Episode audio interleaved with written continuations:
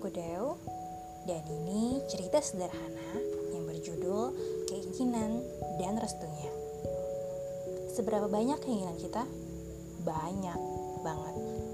Sebagian terkabul dengan cepat dan yang lain sangat lambat. Sebagian lagi tidak akan pernah terkabulkan. Karena apa?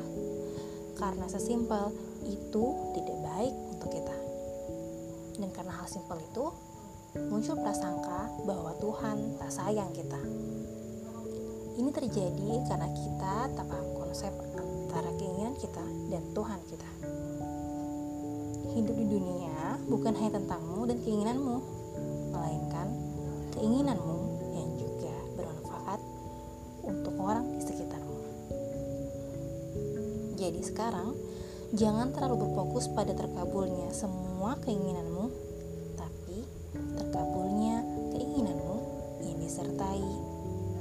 restunya.